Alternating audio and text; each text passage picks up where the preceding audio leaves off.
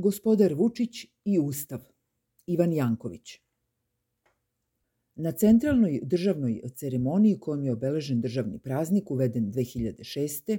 i delimično posvećen donošenju Sretenskog ustava 15. februara 1835. godine, premijerka Ana Brnabić citirala je reči Tome Vučića Perišića, u narodu poznatog kao gospodar Vučić.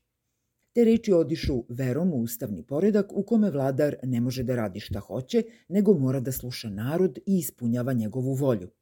Ja se ne bojim nikoga, samo se bojim ustava, još je kazao Vučić. Citat je odlično odabran i ne može biti prikladniji za priliku u kojoj je upotrebljen. Ipak ovde bi se mogle dodati bar dve napomene – Prvo, kada je kazao da se ne boji nikog i ničeg sem ustava, Vučić nije mislio na Sretenski nego na Turski, donet 1838. godine.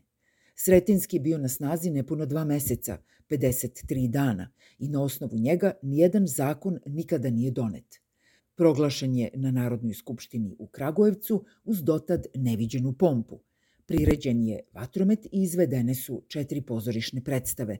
Tom prilikom su svi deputati, poslanici, dobili po jedan odštampan primerak Ustava. A kada je ukinut 11. aprila, deputatima je naređeno da vrate svoje primerke nadležnoj vlasti. Bilo je zabranjeno držati ga u kući, ko misli živ svoje glave nositi. Ustav koji je Vučić branio kao jedan od vođa ustavobranitelja, poznat kao turski ili kao četvrti hati šerif, poslati u Srbiju iz Carigrada 1838. godine. Sultan Mahmud II. ga je darovao žiteljima njegove provincije Srbije. Ostao je na snazi 31 godinu, duže nego i jedan srpski ili jugoslovenski ustav posle njega. Bio je mnogo manje liberalan od Sretenskog. Na primer, nije sadržao odredbu o zabrani ropstva, jer je ropstvo u Osmanskom carstvu bilo legalno sve do početka 20. veka i turski ustav je proslavljen uz veliku pompu, odštampan je u velikom tiražu i javno čitan širom zemlje, kao kakvo evanđelje, a njemu u čast su spevane brojne ode poput ove. Ko ne ljubi ustava ovoga, taj ne ljubi ni samoga Boga. Posle javnog čitanja u Ćupriji, jedan činovnik je egzaltirano pisao prijatelju. Ko je dakle taj koji će se usuditi reći da sad Srbin srpski ne srpstvuje?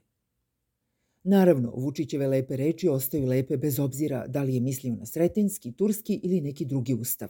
One izražavaju jedan opšti i svakako hvale vredan stav prema ustavu kao izrazu najviše volje i odbrani od samovolje moćnika na vlasti.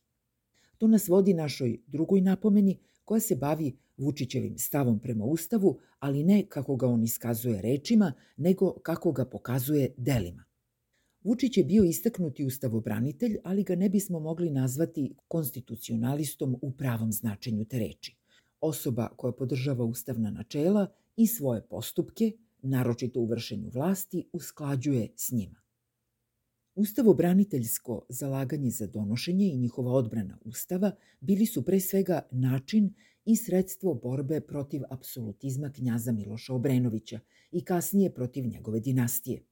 U toj borbi oni su se oslanjali na Tursku, osmansku državu, od koje su tražili i dobijali zaštitu, podršku i na kraju priznanje. Što se Vučića tiče, njega je manje rukovodila odanost ustavnim načelima, a više mržnja prema knjazu Milošu, koji ga je stvorio. Vučić je karijeru otpočeo kao Milošev momak, lični sluga i telohranitelj. Uzgred mržnja je bila obostrana i trajala je do smrti – Po ponovnom dolasku na vlast, kada su obojica bili starci na izmaku života, Miloš je dao otrovati bolesnog Vučića. Vučić je svoj odnos prema Ustavu pokazao delima u više mahova. Stavivši se na čelo oružane pobune 1842. je porazio vojsku legitimnog ustavnog vladaoca Mihajla Obrenovića, koji je tada pobegao iz zemlje. Zatim je ulogorio svoju vojsku na Vračaru, gde je proglašena privremena takozvana vračarska vlada, koja je imala da upravlja zemljom do izbora novog kneza i koja je dobila podršku portinih predstavnika Ćamil Paše i Šekib Efendije, mada ne i evropskih konzula u Beogradu. Primio je titulu predvoditelja naroda, kakvu ni turski, niti bilo koji drugi ustav nije poznavao. Vučićem predvođeni obračun sa Obrenovićevcima, koji su ostali u zemlji, bio je krvav. Preko 200 činovnika su otpušteni iz državne službe, a 100 njih su mučeni i prebijani. Ubijeno je više od 50 pristalica svrgnute dinastije. Za našu temu je od interesa to što se, batinajući i zlostavljajući svoje političke protivnike, Vučić u više mahova pozivao na ustav ili ga čak primenjivao, ali bukvalno kao rekvizit. Jovana Mićića, okružnog načelnika koji se borio uz kneza Mihajla, stavio je vezanog na volovska kola i tako ga proveo kroz Beogradsku varoš. Prolazeći kraj Bedema Kalmegdanske tvrđave, navodno je pozivao Turke da se raduju što vide vezanog Mićića i pritom pominjao ustav. Nu, eto vam strašnoga Mićića, dušmanina, vašeg i našeg, koji smo verni našem milostivom caru i carskom ustavu. Nu, ne bojte ga se više, on je sad krotak kao jagnje. Pljujte ga, pljujte ga. U Vračarskom logoru su Obrenovićevci držani u jami, iskopanoj zarad građevinskog materijala kada je građena obližnja kuća Isidora Stojanovića, profesora liceja. Jama je postala poznata kao Vračarska ili Trkićeva rupa po Jovanu Trkiću, prvom zatvoreniku koji je u nju bačen i kome se Vučić svetio za jedan raniji sukob. Kasnije je dobila ime Zamastilova po Čehu Jovanu Zamastilu, koji je pored nje držao kafanu. Bila je četvrtasta, široka skoro 6 metara, duboka 3, bez ikakve nastrešnice ili drugog zaklona od vremenskih nepogoda. Kako je izveštavala tadašnja štampa, i ovo je pravedna stvar. Kad toliki narod u logoru pod vedrim nebom biti može, mogu i apsenici za njihova bezčinija pod vedrim nebom uhapšeni biti.